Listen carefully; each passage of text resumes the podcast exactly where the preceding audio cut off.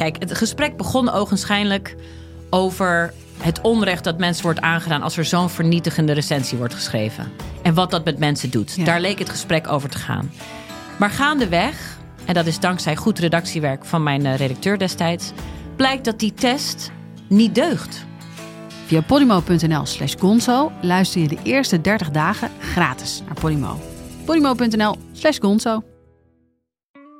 In de podcast Radio Romano met Noortje Veldhuizen Met Marcel van Roosmalen. En met Roelof de Vries. brengen we alle drie elke week een zogenaamde signalering mee. Wat heb jij nou weer bij? En aan het eind bepalen we wie de winnaar van de week is. Echt een angstcultuur Lege huls die je er bent? Ja, dat gaat eigenlijk altijd onvriendelijk. Luister nu naar Radio Romano bij Podimo. Via podimo.nl slash Radio Romano luister je 30 dagen gratis. Welkom bij Buitenlandse Zaken, een podcast van de Groene Amsterdammer. In deze podcast bespreken we internationale zaken en artikelen die in de Groene Amsterdammer zijn verschenen. Buitenlandse Zaken verschijnt elke drie weken op groene.nl en op alle bekende podcastkanalen. Ik ben Rutger van der Roeven, de buitenlandredacteur van de Groene Amsterdammer. En ik maak de podcast vandaag met Mathieu Segers, hoogleraar geschiedenis in Maastricht. Mathieu, welkom. Fijn om er te zijn, Rutger. Ja, en vandaag hebben we onze gast. eh, Die zit tegenover mij, journalist Lise Witteman, medewerker van de Groene Amsterdammer in Brussel. Lise, welkom. Ja, dank je. In deze podcast spreken Mathieu en ik over de mondiale reactie op de Russische inval in Oekraïne. Die soms wat cru wordt samengevat als de West versus the rest. Dat klopt zo simpel gezegd niet, maar de eenheid tegen Rusland die we hier in Europa voelen is niet te zien op wereldschaal. Ook spreken Mathieu en ik in de rubriek Historische woorden over Emmanuel Macron, de Franse president die zijn parlementaire meerderheid kwijt is. Maar eerst gaan we met Lise Witteman hebben over de expansiedrift van de Europese Unie. Nou ja, goed, dat klinkt ook weer een beetje eh, kort door de bocht. In ieder geval is uitbreiding van de Europese Unie weer volop in het nieuws. eh, vanwege het kandidaatlidmaatschap van Oekraïne. Dat werd op de Europese top van vorige week besloten.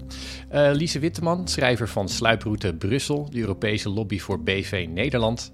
En ook oprichter van de Schumann Show, een maandelijks theater over de Brusselse kaastop. En natuurlijk freelance journalist in Brussel. Zit hier bij mij aan tafel.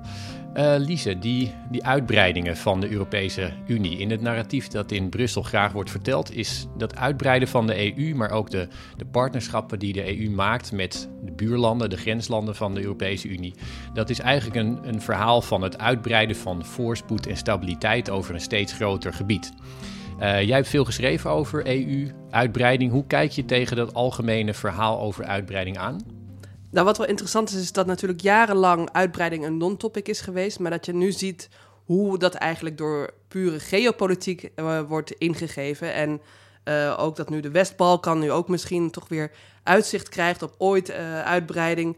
Het laat zien dat het al die verhalen over, het gaat over vereisten en voorwaarden en, en, en dat, dat, dat dat min of meer in de prullenbak kan, maar dat het uiteindelijk gaat over wat is de geopolitieke situatie en wat willen we met die landen als Europa.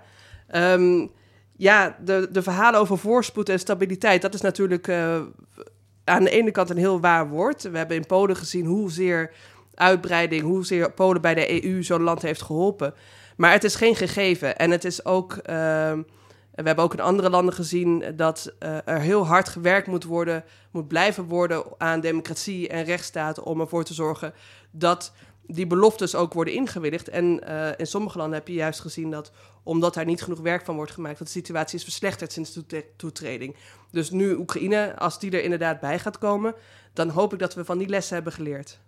Ja, ik heb er eigenlijk twee, twee vragen bij. De eerste is over dat, dat Brusselse verhaal, zeg maar, als we daar nog even bij blijven.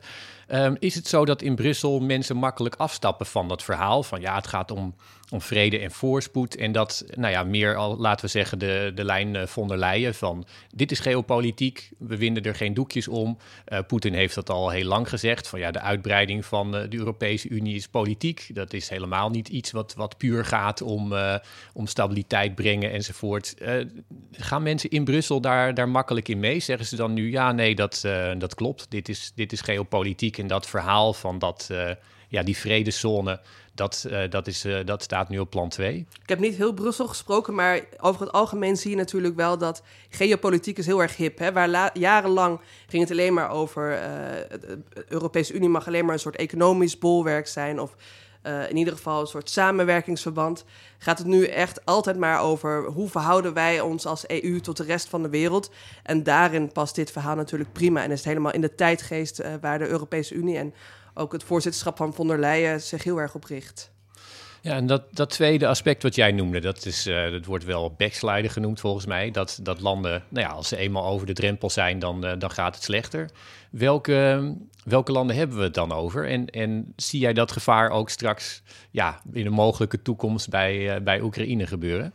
Ja, dus dan hebben we het echt over landen als Roemenië, Bulgarije, Malta, nou Hongarije als meest in het oog springende voorbeeld.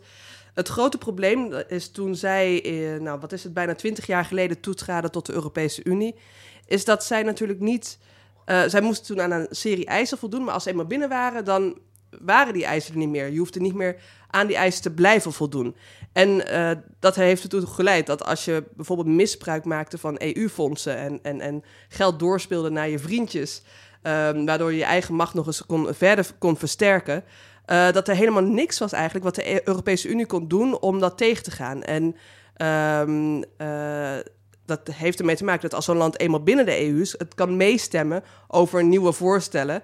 Uh, dus ja, zo'n land als Hongarije, die ging echt niet stemmen voor, voor een, een, een, een plan om ervoor te zorgen dat zijn bewegingsruimte op dat vlak werd, werd ingeperkt. Nou ja, je hebt ook gezien in, in een land als Bulgarije en ook in, in Roemenië dat de, bijvoorbeeld de persvrijheid is om, omlaag gekukeld echt sinds hun toetreding. Uh, corruptie op Malta, nou ja, dat hebben we natuurlijk ook gezien de afgelopen decennia. Dat tiert nog welig. En um, nu is pas net sinds een aantal jaar uh, zijn er, worden er zeg maar geitenpaadjes gevonden om toch te kijken of we die landen wat meer in het gereel kunnen houden. En natuurlijk zijn daar nu dure lessen uitgetrokken dat als we opnieuw een land laten toetreden tot de Europese Unie, dat ze niet alleen op dat moment aan de eisen moeten voldoen, maar dat ze ook aan die basisbeginselen, hè, een goede, goede rechtsstaat, uh, een goed werkende democratie, uh, gewoon het respecteren van mensenrechten, dat ze daaraan moeten blijven voldoen. En uh, ja, laten we hopen dat inderdaad, als we allerlei nieuwe landen gaan toelaten, dat dat dan stevig verankerd is in de wet. Ja, Mathieu, um, deze, deze kandidaatstelling is duidelijk een, een politiek uh, signaal. Dat werd ook op de Europese top uh, gezegd. Um, Oekraïne die springt nu voor een, andere, een aantal andere landen uit. Um, dat is vanwege geopolitieke redenen. Wat vind jij ervan? Ja, ik, ik, ik kan wel aansluiten bij het verhaal van, uh, van Lise. Zeker het begin. Er zijn eigenlijk drie fases te onderscheiden in dat uitbreidingsproces in de afgelopen 30 jaar. Want zo lang loopt het eigenlijk. Vanaf het moment dat het verdrag van Maastricht werd ondertekend, dit jaar 30 jaar geleden, uh, was het duidelijk dat uh, de, het Europa van de Europese integratie iets moest met Midden- en Oost-Europa. Uh, en onze voormalig minister van Buitenlandse Zaken, Ben Bot, had het bijvoorbeeld altijd over de ereschuld naar Midden- en Oost-Europa. Dat was een hele politieke fase. De jaren 90 was eigenlijk dat hele uitbreidingsproces heel politiek in die sfeer. Europa moet weer één worden. Dat is een politieke opdracht, de rest komt later. Na de toetreding van al die Midden- en Oost-Europese landen is er een nieuwe uh, sfeer ontstaan die heel erg technocratisch was. En die heeft Lise denk ik heel goed omschreven, waarbij men eigenlijk zei, jeetje, wat hebben we gedaan? Nu hebben we al die landen erbij, is dat niet een beetje veel? Gaat dat niet ten koste van allerlei zaken die we ook moeten doen in de Europese Unie? Wordt de besluitvorming niet heel, heel moeilijk?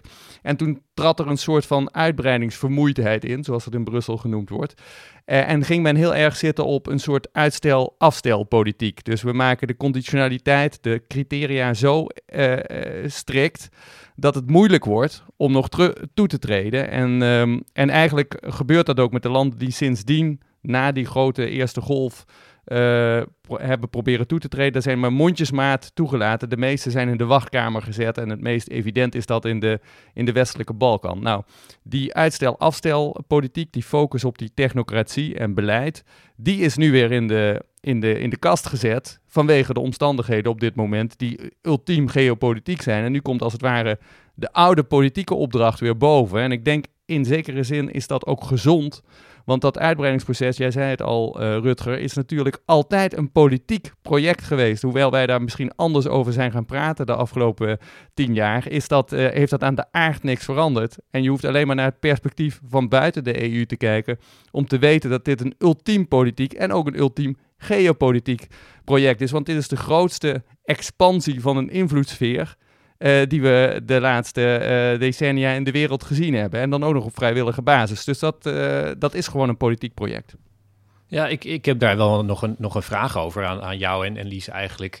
Tegelijk, ik weet niet wie het, op, wie het op wil pikken, maar jullie, jullie zeiden allebei eigenlijk van ja, um, zo, zo, zo vat ik het maar even samen. Ja, het werd stil rond uitbreiding en het... Um, de, zeg maar, het werd minder, minder politiek, maar we hebben gezien bij dat associatieverdrag uh, met, met Oekraïne wat werd, wat werd getekend. Ja, eh, de Europese Unie heeft associatieverdragen met allemaal landen, eh, Tunesië en zo. Maar goed, dat werd toen juist heel erg politiek. En het feit dat er, dat er geen, geen tempo in die uitbreiding zat. Er ging af en toe een landje bij, maar dat was ook politiek. Dat had te maken met ja, wat we de rechtspopulistische golf kunnen noemen in, uh, in, in democratieën in Europa.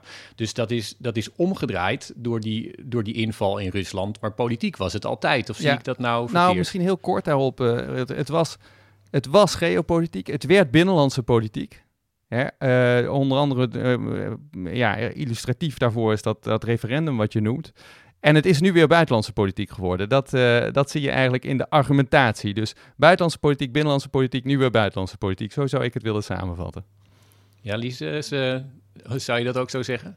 Ik denk dat uh, dat is natuurlijk veel politieker geworden dan de Europese Unie het ook had bedoeld. Uh, dat, uh, dat heeft met name Nederland heel politiek gemaakt. Terwijl tot dan toe inderdaad dat soort associatieverdragen min of meer stilletjes werden gesloten. Maar door de opkomende euroskepsis toen inderdaad, die, die, die toen hoogtij vierde zeker, is dat een heel groot onderwerp geworden. En dat heeft meteen ook weer behoorlijk de deur dicht gedaan voor andere, andere landen om daar, om daar vooruitgang te boeken. het liet wel zien dat toen in ieder geval de trend om, om landen toe te laten zich tegen hen keerde. Oké, nou en eventjes over die, over die uitbreiding zelf. Hè. We hebben dus, je zou twee perspectieven erop kunnen nemen. Het ene is van, nou, uh, is het goed voor het land zelf? Daarvan was het idee altijd van, ja, evident is het goed, natuurlijk. Het is fantastisch. Daar ga ik nog even over vragen, want daar heb jij dus wel kanttekeningen bij. Het andere verhaal is van, ja, is het goed voor de Europese Unie zelf? Um, wat het eerste betreft, welke, welke lessen kun je trekken uit die toetreding van, van nieuwe EU-landen eigenlijk over, die, over hoe goed dat dan is voor henzelf? En kun je ook dan uh, zeg maar dit tweede aspect erbij nemen, um, dat aspect van de Europese Unie zelf. Is dat inderdaad gevaarlijk uh, voor, de, voor de Europese Unie? Welke risico's kleven eraan?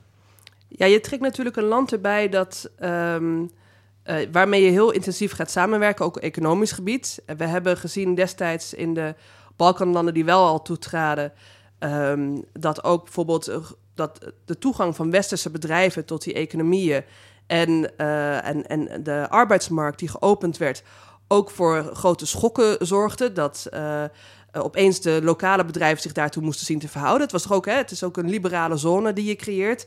En um, ik hoop dat, want daar hebben we het eigenlijk niet zoveel zo over, dat we daar ook wat meer over na zullen denken in de toekomst. Stel dat we die markten zo openstellen, wat betekent dat, dat voor het lokale bedrijfsleven? Hoe gaan we voorkomen dat zeg maar, alles wat daar uh, nog van enige waarde wel was, uh, meteen failliet gaat of wordt overgenomen? Hoe gaan we voorkomen dat uh, mensen. Zeg maar, dat er een brain drain plaatsvindt naar het westen, dat mensen worden uitgebuit. arbeidsmigranten hebben we natuurlijk enorm gezien de afgelopen jaren. Uh, wat, er, wat er voor problematiek nog uh, rondleeft. Dus dat zijn allemaal vraagstukken waarvan we in het verleden hebben gezien um, dat dat mis kan gaan. En waarvan ik dus hoop dat, uh, daar wordt nu niet zo over gesproken, dat daar ook goed over na wordt gedacht. En bovendien natuurlijk, um, ja, het idee is dat er komt meer welvaart. normaal gezien zorgt meer welvaart ervoor dat er ook minder corruptie is. Dat het beter gaat met, met, met een land ook in, in democratisch opzicht. Maar dat is geen gegeven. Weet je, als je op een gegeven moment inderdaad uh, een leider treft die op, op, op, op ieder mogelijke manier uh, die EU-fondsen naar zijn hand weet te zetten, uh, die zich helemaal niks aantrekt van, van de basiswaarden van de Europese Unie, dan moet je daar wel wat tegen kunnen doen. En daar zijn nu wel stappen gezet de afgelopen jaren.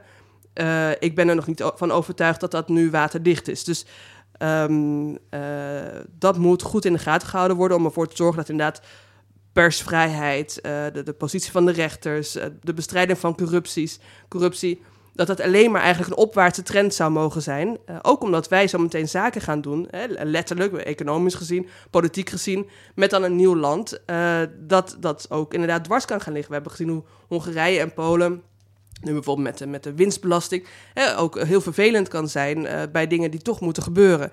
Dus ja, dan is toch de grote vraag, hoe ga je daarmee om? Hoe ga je ervoor zorgen dat die nieuwe landen niet eigenlijk uh, de toekomst van de Europese Unie en de kant die we op willen gaan met de Europese Unie gaan frustreren? Dus dat zijn allemaal best wel grote vraagstukken. Uh, Oekraïne zit natuurlijk nog niet in de Europese Unie, Moldavië ook niet. Maar waar wel ditmaal hoop ik van tevoren goed over na wordt gedacht. In plaats van dat we achteraf proberen uh, de, de, de mazen maar te dichten. Je, je, noemt het vraagstukken, maar in feite is het zo dat in de huidige opzet uh, is er gewoon geen antwoord op. Dus we kunnen wel erover na gaan denken, maar uh, een land als het over de drempel is, heeft het vetorecht en daarmee is het zo ongeveer klaar.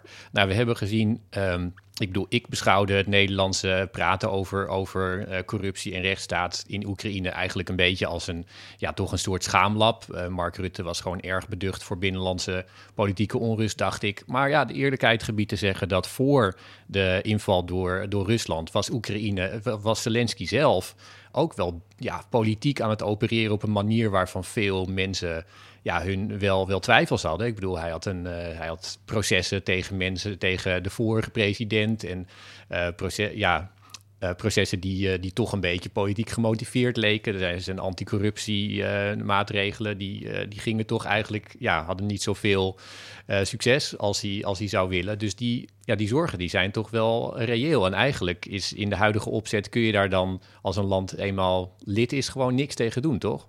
Nee, maar goed, Oekraïne is nog niet lid. En ook los van Zelensky, corruptie zit ook wel...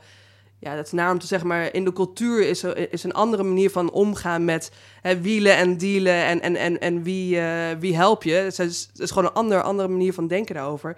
Dus um, ik zou zeggen, juist omdat, we nog, omdat Oekraïne nog niet in de Europese Unie zit, is dit een mooi moment om ook als we gaan over die andere West-Balkanlanden bijvoorbeeld gaan praten, om dat voortijdig op te lossen.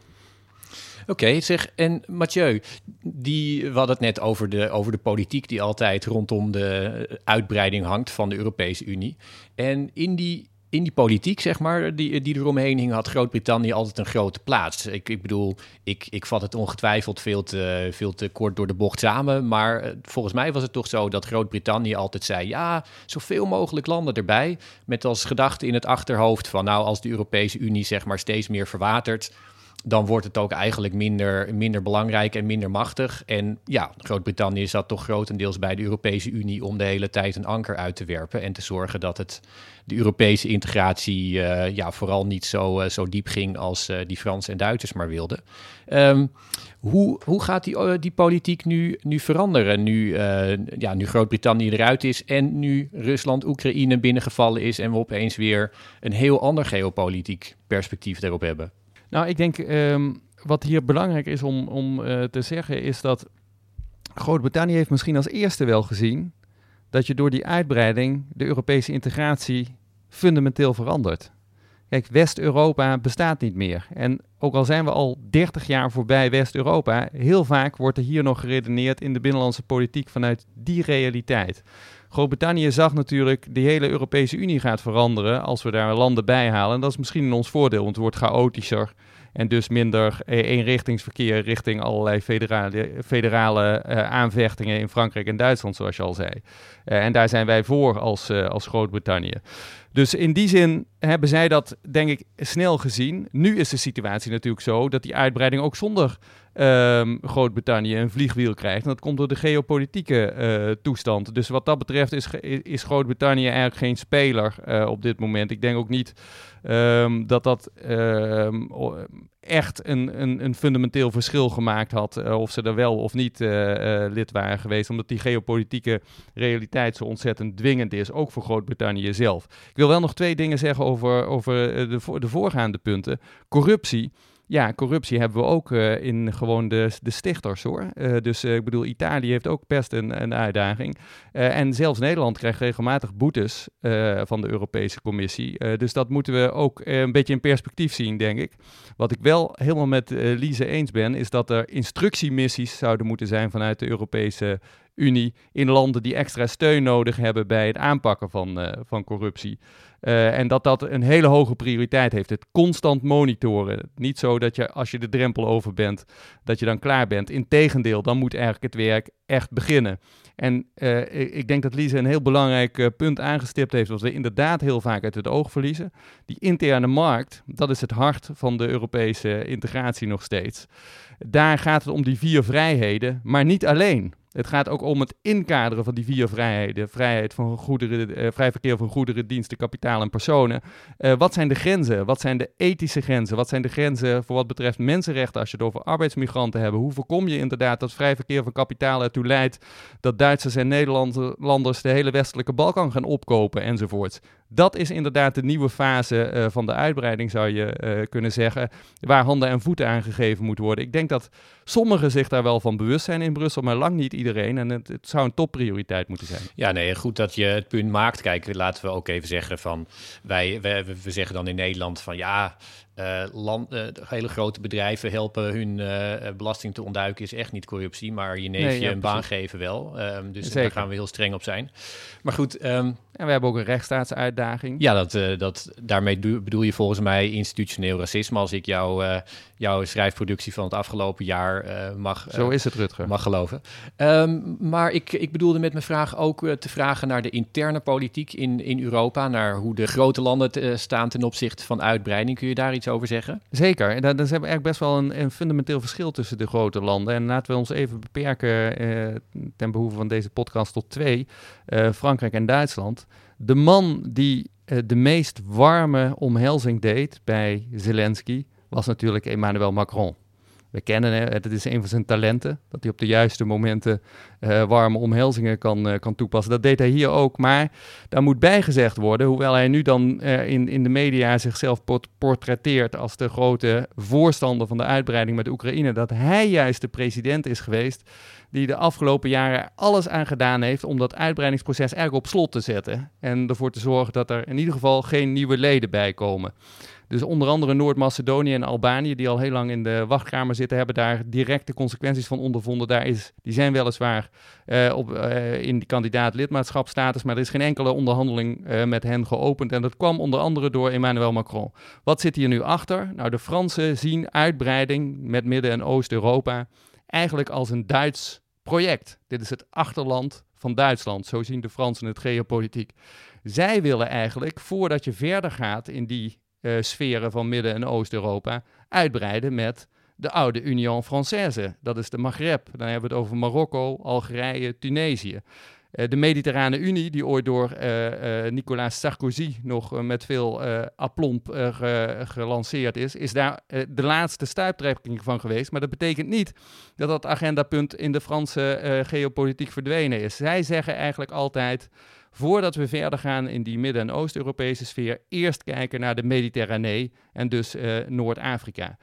Uh, dat heeft natuurlijk te maken met het soortelijk gewicht van Frankrijk in die uitbreidende Europese Unie. Dat neemt af naarmate die verder naar het oosten uitbreidt, wordt Frankrijk minder belangrijk. Nou, dat is voor de Fransen iets wat natuurlijk niet te verkroppen is. Ze zijn niet voor niets la grande nation. Dan heb je de Duitsers. Ja, die zijn natuurlijk juist bezig met dat achterland in Midden- en Oost-Europa, waar de Duitse cultuur tot ver in ook Oekraïne. Hè. Kijk naar een stad als Lviv, waar Duits een, gewoon een vrij dominante taal is als, uh, als tweede taal of als derde taal. Dat hoort eigenlijk allemaal cultuurhistorisch ook bij dat, uh, bij dat Duitse achterland. En daar zit dus een veel diepere verbinding, ook politiek, maar ook historisch, uh, met, met je inspannen voor uitbreiding in die richting. En dat heeft natuurlijk ook voor Duitsland allerlei economische voordelen die te maken hebben met schaalvergroting, Um, en ze kunnen daar rekenen op, op, op, op oude allianties, zoals bijvoorbeeld de alliantie met Oostenrijk, die zich ook altijd heel erg inspannen voor uitbreiding naar de Balkan, vanwege de oude banden die daar liggen, economisch, cultureel en historisch, vanuit het Habsburgse Rijk. Dus hier zie je eigenlijk twee geopolitieke visies tegenover elkaar staan, die altijd voor grote spanningen zorgen. En dat zal ongetwijfeld ook zo zijn in de uitwerking van, uh, van het verdere kandidaat lidmaatschapsroute uh, van, uh, van Oekraïne. Ja, nou, we, hadden het net eventjes kort over de grote drie van de EU. Dat was altijd uh, Frankrijk, Duitsland, uh, Engeland. Maar uh, nu is dat opeens Italië geworden in plaats van Engeland. Nou, die, die zijn gedraaid in hun mening over Oekraïns lidmaatschap. Dat deden ze in de trein. Ja, waarschijnlijk van tevoren. Maar ze zaten daar samen in de coupé. Ik vond het wel grappig. Kennelijk zat ook de premier van... Um, van Roemenië in dezelfde trein, maar die, uh, die mocht niet in dezelfde coupé. Ja, en um, Macron had een aparte coupé, ja, want hij is natuurlijk een staatshoofd en die anderen zijn maar regeringsleiders. Dat is wel oh. een verschil. Ja, nee, dat moest wel duidelijk worden gemaakt. Maar goed, het was een, een, verrassing voor mij dat ze, dat ze draaiden. Maar het was nog een veel grotere verrassing voor mij dat, dat Poetin um, ook draaide. Die zei op het uh, economisch forum in Sint-Petersburg, zei hij zo achterloos van, ja, ja, de Oekraïners mogen lid worden van uh, de economische unie. Wat ze willen, dat, uh, dat vinden we natuurlijk goed. Um, ja, Lise, dit past toch totaal niet bij hoe Poetin altijd heeft aangekeken tegen die partnerschappen die de Europese Unie aanbood en aanging met voormalige landen van de Sovjet-Unie? Ja, ik brand mijn vingers er niet aan om, om te begrijpen wat er in Poetins hoofd omgaat, sowieso. Maar ik kan wel zeggen inderdaad dat we de afgelopen uh, 12, 14 jaar is de Europese Unie is een Eastern Partnership aangegaan met een uh, zestal uh, voormalig Sovjetlanden, waaronder Oekraïne, Georgië, Moldavië. Um, en het idee was, dat was eigenlijk een soort reactie op Rusland, die toen uh, had geblokkeerd dat Georgië en Oekraïne NAVO-lid zouden worden. Toen hadden Zweden en, god wat was uit mijn Zweden en nog een Polen volgens mij, hadden geïnitieerd van, hè, nou ja, oké, dan geen NAVO-lid, maar laten we ze dan in ieder geval op een andere manier wat dichter bij, bij Europa halen. En, en op, op, op een andere manier toch die banden aanhalen. En dat deden ze dan via het Eastern Partnership. en dat hield eigenlijk op in, ja, als je gewoon puur kijkt naar wat is het? Zijn het nou, subsidies, leningen naar, naar die landen? Uh, helpen de economie te versterken, de rechtsstaat te versterken? Uh, gaat landbouwgeld heen? En allerlei ja, beetje pro-Europese projecten. Zeg maar scholing voor journalisten, allemaal dat soort zaken.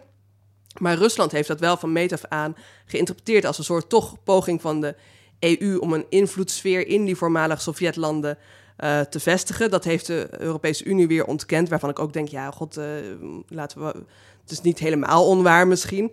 En, uh, maar het lastige is vooral dat ondanks dat het dus in de praktijk niet heel veel voorstelde, hè, er zijn ook niet enorme resultaten mee geboekt, um, kon Moskou dit wel mooi aangrijpen om te zeggen: kijk, de Europese Unie is ook bezig met een invloedssfeer en wij moeten dat toch ook min of meer verdedigen. En toen dus uh, Rusland ook de Krim binnenviel, werd het ook wel genoemd als een van de redenen. Zo van ja, de EU probeert op allerlei manieren, zoals het partnership, om zijn invloed uit te breiden. En wij moeten daar dus weer op reageren. Dus het was, ja, het was geopolitieker werd het dan het misschien uh, heel concreet als je kijkt naar waar ging het nu precies om uh, bedoeld is. En inderdaad, in die context is het raar als Poetin nu weer zegt van ja, maakt me allemaal niet uit uh, wat Europa doet ten, ten opzichte van die Sovjetlanden. Dat, ja, dat, dat, staat er haaks op. Dus nogmaals, ik snap er ook niks van. Nou, ik, ik wil er wel iets aan toevoegen, want ik, ik, begrijp er misschien wel iets van. Er is altijd een subtiel verschil geweest in Poetin zijn retoriek als het ging over uitbreiding. Uh, en voor hem een heel fundamenteel verschil tussen NAVO en dus Amerikaans geïnspireerde dingen, waar bijvoorbeeld ook de Open Society Organization van George Soros bij uh, hoort, die vaak samenwerkte in dat Eastern Partnership uh, met, de, met de Europese Unie. Dus daar was dan een een, een, een vermenging. Maar dat is een soort Amerikaanse invloedssferenpolitiek, zag Poetin. En die ziet hij met name natuurlijk via de NAVO. En hij ziet een Europese invloedssferenpolitiek en die loopt via de Europese Unie. En daarbij maakt hij een onderscheid, want Poetin kent als geen ander de brute feiten van de geografie. Dus hij weet, de Europese Unie gaat niet weg. Dat ligt naast Rusland. Maar hij weet wel, de Amerikanen kunnen wel weg die horen hier niet thuis, om het even heel bruut uh, samen te vatten. Dus du moment dat hij ziet dat er een transatlantische of Amerikaanse sponsor zit achter uitbreiding of invloedssferenpolitiek in die regio tussen Rusland en de EU, dan is hij daar falikant op tegen, tot op de dag van vandaag. Als het alleen over de Europese Unie gaat, die natuurlijk ook uh, in hardpower heel veel minder voorstelt, zal ik maar zeggen, dan de NAVO, dan is Poetin vaak uh, veel uh, genuanceerder, om het maar met een mooi woord te zeggen. Je zou kunnen zeggen, wat minder duidelijk.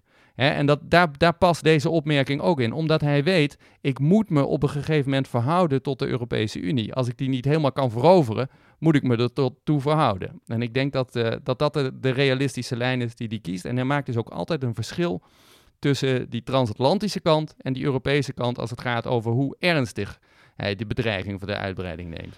Nou, hier, hier gaan we nog een keertje een biertje over drinken, Mathieu. Want ik, uh, ja, ik, heb, ik, ik, ik weet niet of ik het helemaal met je, eh, met je eens ben. Kijk, ik, ik zie in ieder geval Poetin de hele tijd ding, dingen dreigen en dan terugtrekken. Daarin gaat hij eigenlijk, ja, vind ik toch wel... Um, ja, is hij niet doet hij eigenlijk iets atypisch. Ik bedoel, hij heeft gedreigd dat als landen Oekraïne zouden, zouden helpen, dan zouden er ernstige consequenties zijn. Nou, vervolgens deed heel Europa dat en deed hij uh, eigenlijk niks. Hij dreigde toen dat als er raketsystemen zouden komen, zou heel erg zijn. Nou, dat deden landen, dat gebeurde niet. Nu uh, de Europese Unie, die rode lijnen, die, die trekt die steeds terug. Dus ik zie toch wel ja, daarin een breuk. Maar ook... Um, ja, wat, het, wat de uitbreiding van de, van de economische invloed uh, van Europa betreft, dat staat volgens mij in een lange traditie van Rusland en daarvoor de Sovjet-Unie, die uh, dit dat economische project heel erg politiek bezag. Met natuurlijk het Marshallplan ook als voorbeeld. Nee, wij, dat, dat, klopt. Daar zijn we het ook, denk ik, uh, over eens. Alleen ja, um, is het zo dat um, hij blijft dat verschil maken tussen het gegeven Europa, waar hij zich toe zal moeten verhouden, en het gegeven VS dat hij niet accepteert, ten principale niet. en ik ben het met je eens, hij, hij, voert uh, vervolgens een, een zwabberpolitiek van bluff en terugtrekking. Uh, die tamelijk moeilijk te volgen is in de zin van uh, een consistente lijn. Maar dat heeft te maken met zijn tactische en strategische overwegingen, denk ik. Dus in die zin is hij, is hij toch een, een realist vanuit zijn perspectief.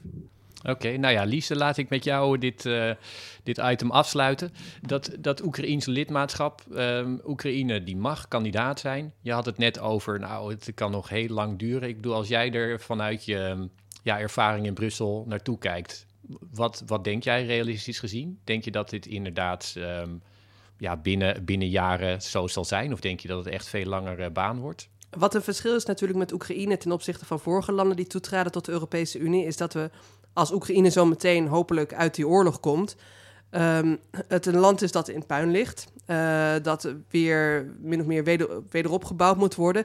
En dat maakt het misschien makkelijker om, eh, zeg maar, bestaande verkeerde structuren te doorbreken en daar uh, goede structuren voor in de plaats te brengen, waardoor het misschien minder lang zal hoeven gaan uh, totdat ze aan het eisenpakket voldoen, waarvan we toch ook wel willen dat ze voldoen. Dus um, wat dat betreft uh, ja, zal, zal ik die hoopvolle, plaats voor, hoopvolle noot voor zullen plaatsen. Oké, okay. mooi zo. Nou, dankjewel, Lise. Ja, graag gedaan.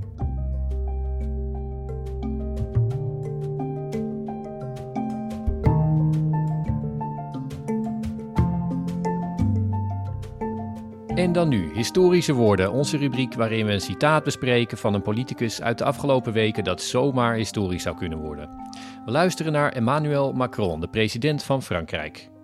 Pour agir dans votre intérêt, dans celui de la nation, nous devons collectivement apprendre à gouverner et légiférer différemment.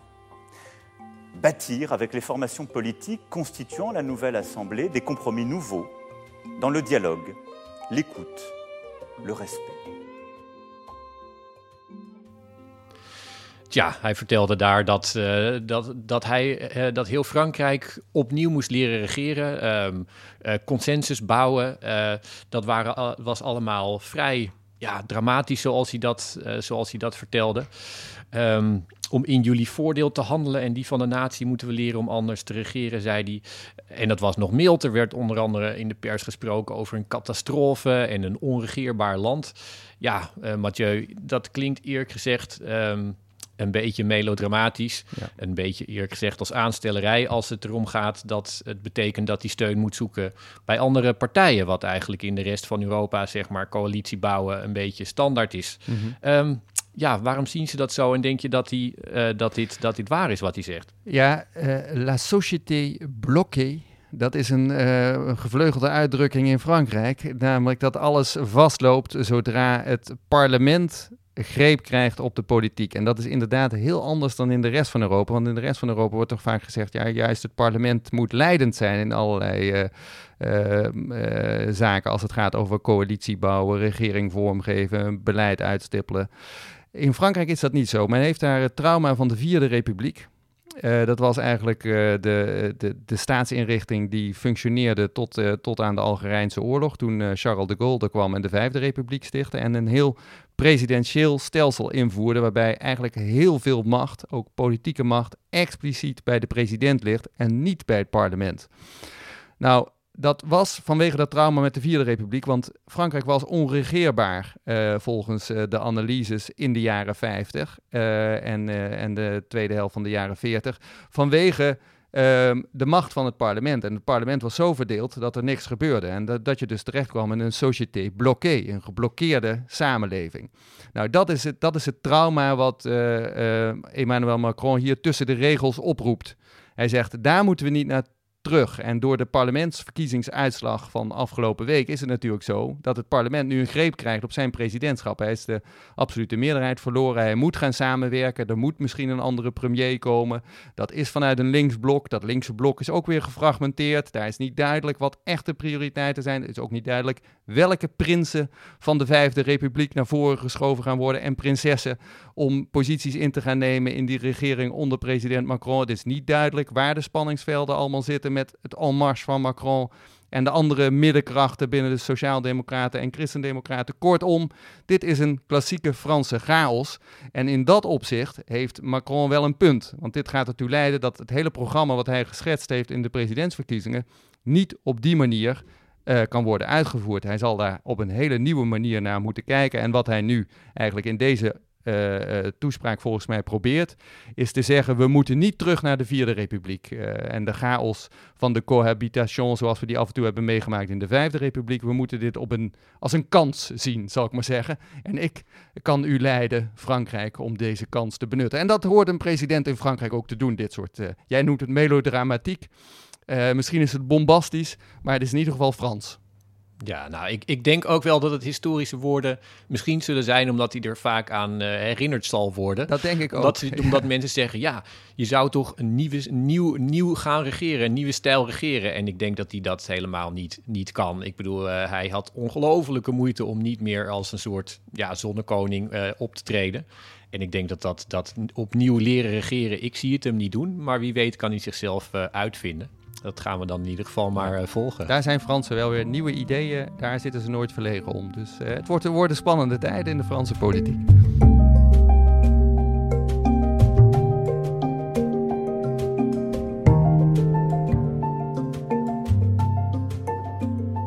En dan nu.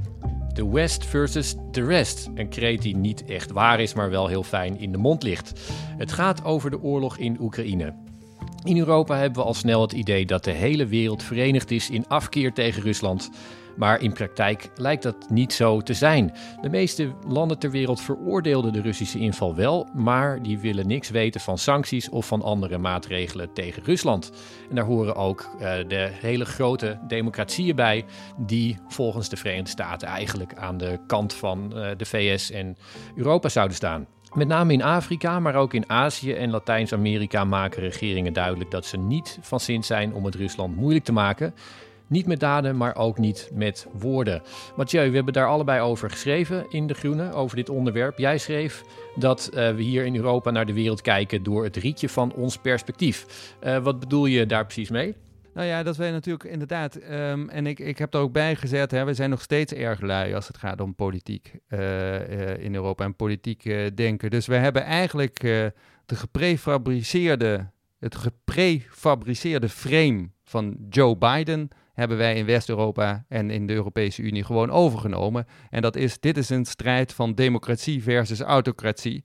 En als u aan de goede kant van de geschiedenis wil staan, sta dan bij mij, de democratie leider van de democra democratische uh, orde in de wereld, de Verenigde Staten, de president Joe Biden. Dat hebben we eigenlijk overgenomen, maar als je wat, wat, wat beter kijkt, dan zie je eigenlijk dat het niet per se uh, alleen, of misschien zelfs helemaal niet, een strijd is van in eerste instantie van autocratie versus democratie, maar dat het een strijd is van een land voor zijn onafhankelijkheid.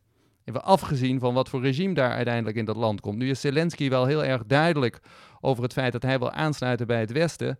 Maar dat staat nog maar te bezien natuurlijk gezien de recente geschiedenis van, uh, van Oekraïne, wat daar allemaal precies gaat gebeuren. Het gaat in eerste instantie om de onafhankelijkheid en het overleven letterlijk van het land uh, Oekraïne. En ik had hier vorige week op bezoek de plaatsvervangend minister um, van Buitenlandse Zaken van Oekraïne, Emine Zaparova. En die zei ook, waar het om gaat nu in de oorlog, is uh, survival, dat is fase 1, revival, wederopbouw, en arrival. En pas bij arrival gaat het over het echt aankomen, zal ik maar zeggen, in dat westerse blok als het gaat over staatsinrichtingen en dergelijke. Ik denk dat dat heel belangrijk is dat we ons dat uh, realiseren. Dat is één. Daarnaast geldt natuurlijk dat de overgrote meerderheid van de wereldbevolking zich in andere landen bevindt dan in de landen van de Europese Unie. En daar zegt men, en je noemde het al, uh, grote democratieën. Dus we hebben het over niet de minste Brazilië, Zuid-Afrika, uh, en India, die zijn als het gaat over het stemmen over VN-resoluties uh, om, om sanctiebeleid mondiaal af te kondigen tegen Rusland, onthouden die zich gewoon van stemming in de VN, waarbij ze stilzwijgend eigenlijk zeggen, ja, dit is niet in ons belang.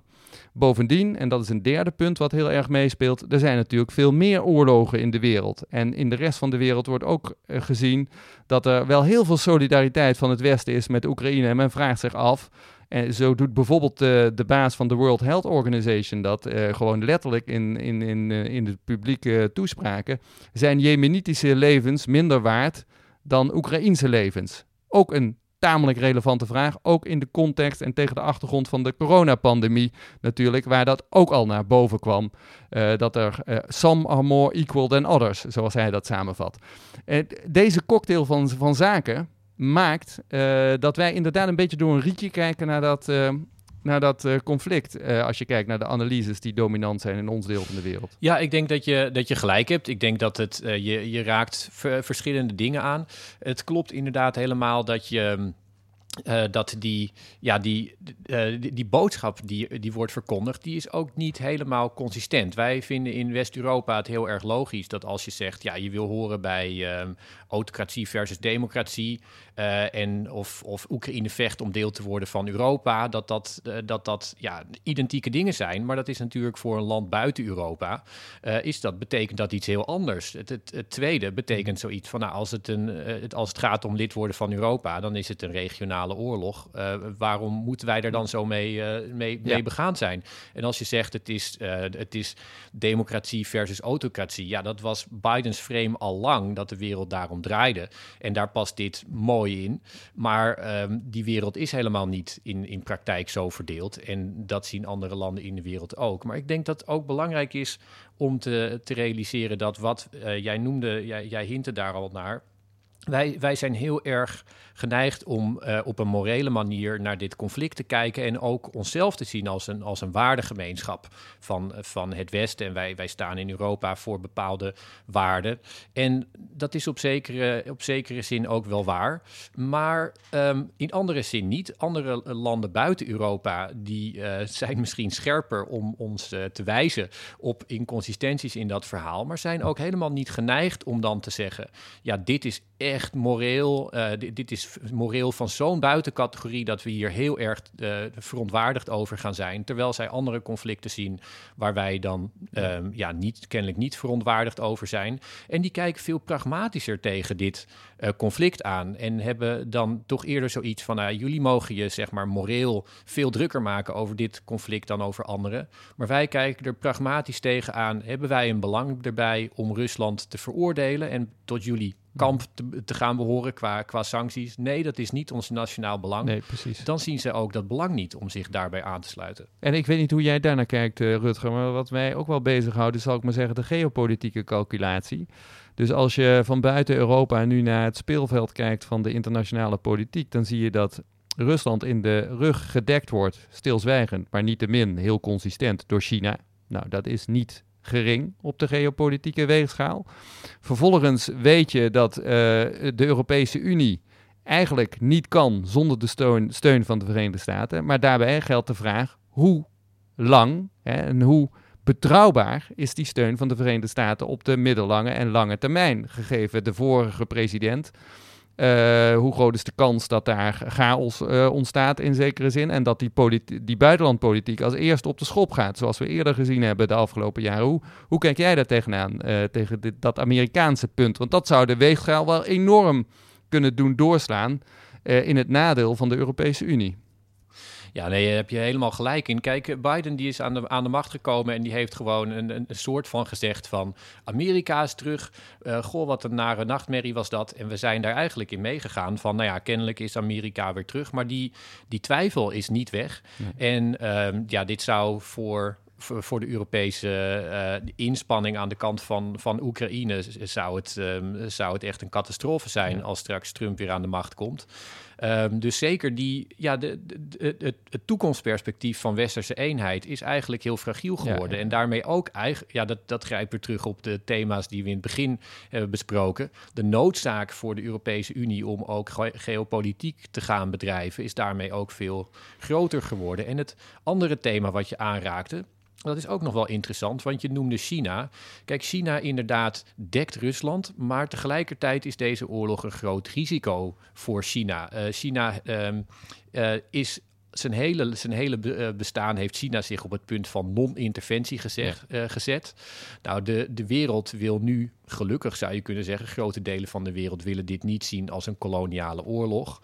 Um, maar dat is het natuurlijk wel. En China wil ook Rusland niet uh, te openlijk steunen, te veel politiek kapitaal hierin steken. Dus heeft toch vooral landen zelf laten beslissen. Mm. Heeft, heeft um, wat ik erover lees, in ieder geval geen politieke druk uitgeoefend voor landen om Rusland uh, niet te laten vallen. Dus dat is toch echt de beslissing van die landen zelf om, uh, om te denken: wij vinden dit niet uh, ons gevecht, zeg maar. Het is niet China die op de achtergrond daarvoor zit te drukken, hoewel ze natuurlijk wel duidelijk het voorbeeld geven van wij laten Rusland niet vallen. Je komt niet in de problemen, ja, zeg doen, maar, als je dat ook niet China doet. doet natuurlijk wel actief mee aan het communiceren van het narratief dat er misschien een nieuwe wereldorde aanstaande is. Waarin dus de Verenigde Staten als het ware gelden als de outgoing uh, hegemon van de, van de, van de afgelopen uh, eeuw.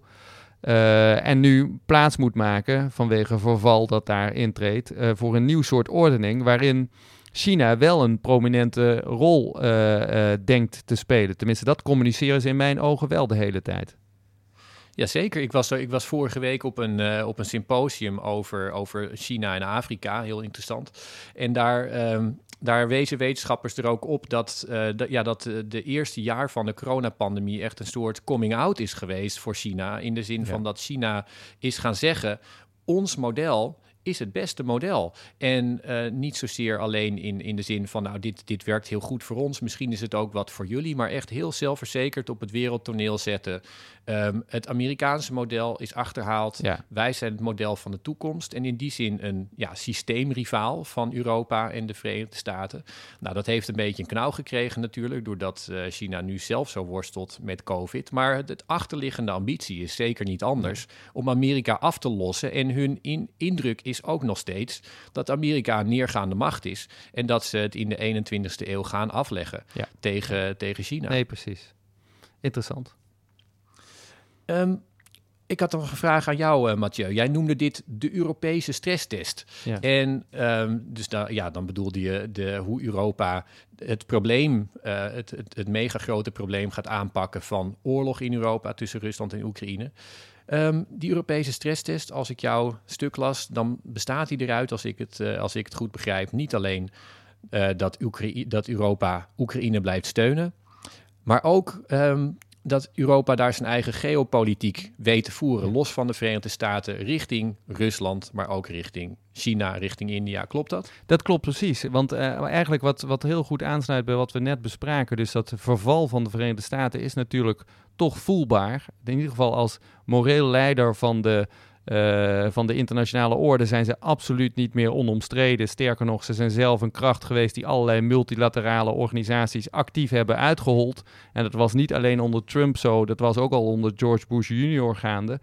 Uh, dus dat, de, die claim op dat leiderschap, die is er bij de VS niet meer. Dat betekent vanzelf dat Europa meer de eigen boontjes moet doppen. Of in de woorden van Angela Merkel destijds in de biertent in Beieren, na een paar maanden ervaring met de Donald in uh, het Witte Huis. Uh, zij zei, Europa moet het lot in eigen hand nemen. Nou ja, dat is nu in optima forma, dringt die realiteit zich inderdaad aan ons op. En daar zit ook de grote uitdaging, want Europa moet eigenlijk los van de VS, zonder dat partnerschap met de VS dat zo cruciaal is nu, te schaden en dat ook historisch heel belangrijk is en zal blijven voor Europa, toch een eigen lijn ook gaan kiezen als een eigen uh, mogendheid, zou je zeggen, een, een zelfstandige mogendheid in het spel van de internationale politiek. Dat is niet alleen belangrijk in die oorlog in Oekraïne, maar het is ook ongelooflijk belangrijk bijvoorbeeld op die westelijke Balkan, uh, waar we het ook eerder vandaag al over hadden, waar dus de, de wereldpolitiek samenkomt en tegenover elkaar staan. Daar staan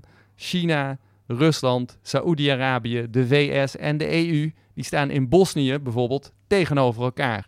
Wil Europa daar een verschil kunnen maken, moet ze een eigen Europese lijn hebben, zonder dat daarmee het partnerschap met de VS geschaad wordt, maar wel ja, veel zelfstandiger dan uh, uh, na de Tweede Wereldoorlog gebruikelijk was voor, de, voor de, het Europa van de Europese integratie. En dat is de grote stresstest.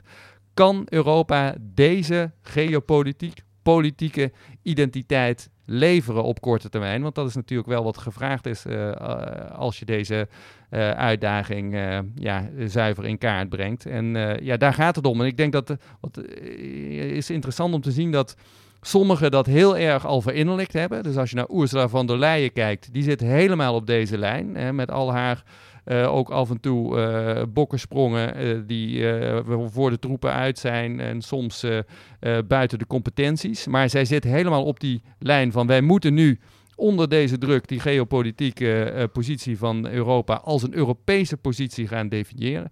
Anderen, en dan kijk ik onder andere naar onze eigen premier, die zitten nog heel erg in, in de oude wereld, waarbij ze uh, ja, vrolijk op bezoek gaan in Washington om daar te horen wat eigenlijk de bedoeling is. En ehm, dat spanningsveld, hè, dat zit door de hele Europese Unie op dit moment. En um, dat zal snel eigenlijk moeten uitkristalliseren welke kant het op gaat voordat ja, eh, om, om, om Europa in staat te stellen, het Europa van de integratie, om die eigen positie in te nemen. En dan moet het dus eigenlijk die kant uit van Ursula von der Leyen. Dus ik denk dat zij de early adapter is in dit verhaal en niet onze premier. Ja, ik, ik ben dat helemaal met je eens. Ik, uh, ik, ik schrijf het ook wel in, in de Groene Amsterdam. Maar hè, ik, wij zijn historici en ik denk dat bij een historisch perspectief ook hoort dat je beseft dat historische periodes afgesloten kunnen worden en je nieuwe periodes ingaat. En ik denk echt dat het heel belangrijk is dat in de Nederlandse politiek, Mark Rutte, maar ook anderen, zich dat beseffen dat, we, dat die wereld niet terugkomt. Die wereld waarin de Verenigde Staten de leider zijn en we gewoon uh, ons beschermd weten en dergelijke. Ja, en dat er grote rampen gebeuren als je politiek van gisteren toepast op een politiek die niet meer de politiek van gisteren is. En dat is wat je natuurlijk ziet heel vaak. Men grijpt nog terug op succesformules uit het verleden die eigenlijk een bot mes geworden zijn. Ja, en, en wat interessant daaraan is, is dat die, die visie die erachter ligt, die is eigenlijk, komt die ja, toch wel een beetje overeen met hetgene wat, uh, wat Poetin vertelde in die hele boze reden waarin hij uitlegde dat hij, uh, dat hij Oekraïne ja, moest, uh, moest gaan bevrijden, moest binnenvallen op, op 24 februari. Maar hij zei, ja, de werkelijkheid is aangebroken van een, uh, van een nieuwe multipolaire wereld. Nou, um, dat, dat is zo simpel gezegd niet waar. Ik bedoel, zoals hij dat zich voor zich ziet, dan heb je Latijns-Amerika als, als, uh, als regio en Afrika en dergelijke. Zo simpel is het niet. Het Westen heeft zichzelf echt weer heel sterk gemanifesteerd. Maar het is denk ik wel waar in de zin dat Europa zichzelf los van de Verenigde Staten moet gaan bewegen. Ja. Ook vanwege die onbetrouwbaarheid. En daar hoort ook bij dat, dat wij niet meer. Um, accepteren van ja, de Verenigde Staten is de natuurlijke leider. En hoewel we zeg maar al die inconsistenties zien en ook de, uh, ja, de, de, momenten zien waarop de Verenigde Staten duidelijk tekortschieten op hun eigen standaard en die van ons. De Vietnamoorlog, Golfoorlog, uh, oorlog in Irak, dat waren allemaal dingen waar ja, eigenlijk de, de Verenigde Staten zeiden van ja, maar ons, ons ideaal is heel goed en de economische macht van de Verenigde Staten um, die uh, ja, compenseerde dat in de wereld dan en maakte toch dat dat verhaal een, uh, een verhaal bleef wat de Verenigde Staten bleven, bleven zeggen. Uh, die wereld die komt niet meer terug, waarbij eigenlijk dat Amerikaanse verhaal wordt ondersteund door een, door een overduidelijke economische macht. Ja. Daar staat nu die van, van, van China tegenover. En de woorden alleen, ja, die zijn niet sterk ge, genoeg. En Europa die zal in die, in die nieuwe wereld ook zijn eigen verhaal helder moeten gaan vertellen en daar, en daar naar handelen. En, en daar wil ik nog één ding aan toevoegen, uh, Rutger, want wat daar parallel speelt, en dat is ook door actieve politiek van de VS versneld, uh, de totale uh, erosie van de multilaterale orde. Ja, die onder Trump natuurlijk nog een extra dreun gehad heeft, maar die al tientallen jaren daarvoor ingezet was. Eigenlijk na het einde van de Koude Oorlog. Waarbij dus vroeger het zo was, en dan heb ik het over de tweede helft van de 20e eeuw, dat de Verenigde Staten die multilaterale orde als het ware als een extra vliegwiel had van het eigen leiderschap. Uh, dat nu helemaal weggevallen is. Er wordt door grote mogendheden, en dat is echt niet alleen Rusland, zoals we dus zien in de stemming in de VN, eh, maar daar hoort ook, hoort ook China bij, daar hoort ook India bij, daar hoort Zuid-Afrika, daar hoort Brazilië bij. Worden gewoon vraagtekens gesteld bij uh, de waarde van die multilaterale orde. En dat is natuurlijk niet alleen het vliegwiel geweest van het Amerikaans leiderschap, het is ook de context geweest waarin het Europa van de Europese integratie heeft kunnen ontstaan. Dus die hele wereld van gisteren, die is al aan het ver, uh, uh, verdampen. en de verantwoordelijkheid voor wat er nog over is van die multilaterale structuren, en dat is nog best wel wat, die ligt steeds meer in Europa en niet in Washington. Ja, dus uh, Merkel die werd, al, uh, die werd al op het schild gehezen als, uh, als degene waar, um, ja, waar de, de liberale wereldorde ja. op, op rustte, zeg maar. Nou, we hebben nu een, um, een Merkel niet meer, maar wel de opvolgers. En daar zijn er, is er niet meer eentje van, maar heel veel. Nederland hoort erbij. Ja. Dus ik, en ik hoop dat Europa inderdaad weet, weet op te staan in het, in het moment. Dit is een gigantische historische verantwoordelijkheid op dit moment. We gaan dat denk ik heel, heel scherp volgen, Mathieu. Dat doen we.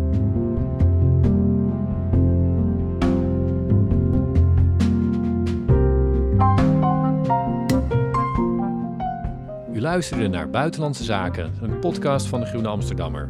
U hoorde Rutger van der Hoeven en Lise Witteman vanuit Amsterdam en Mathieu Segers vanuit Maastricht. Deze podcast werd gemaakt door Giselle Mijnlief. Dank voor het luisteren en als u meer van ons wil lezen of abonnee worden van de Groene Amsterdammer, ga dan naar www.groene.nl.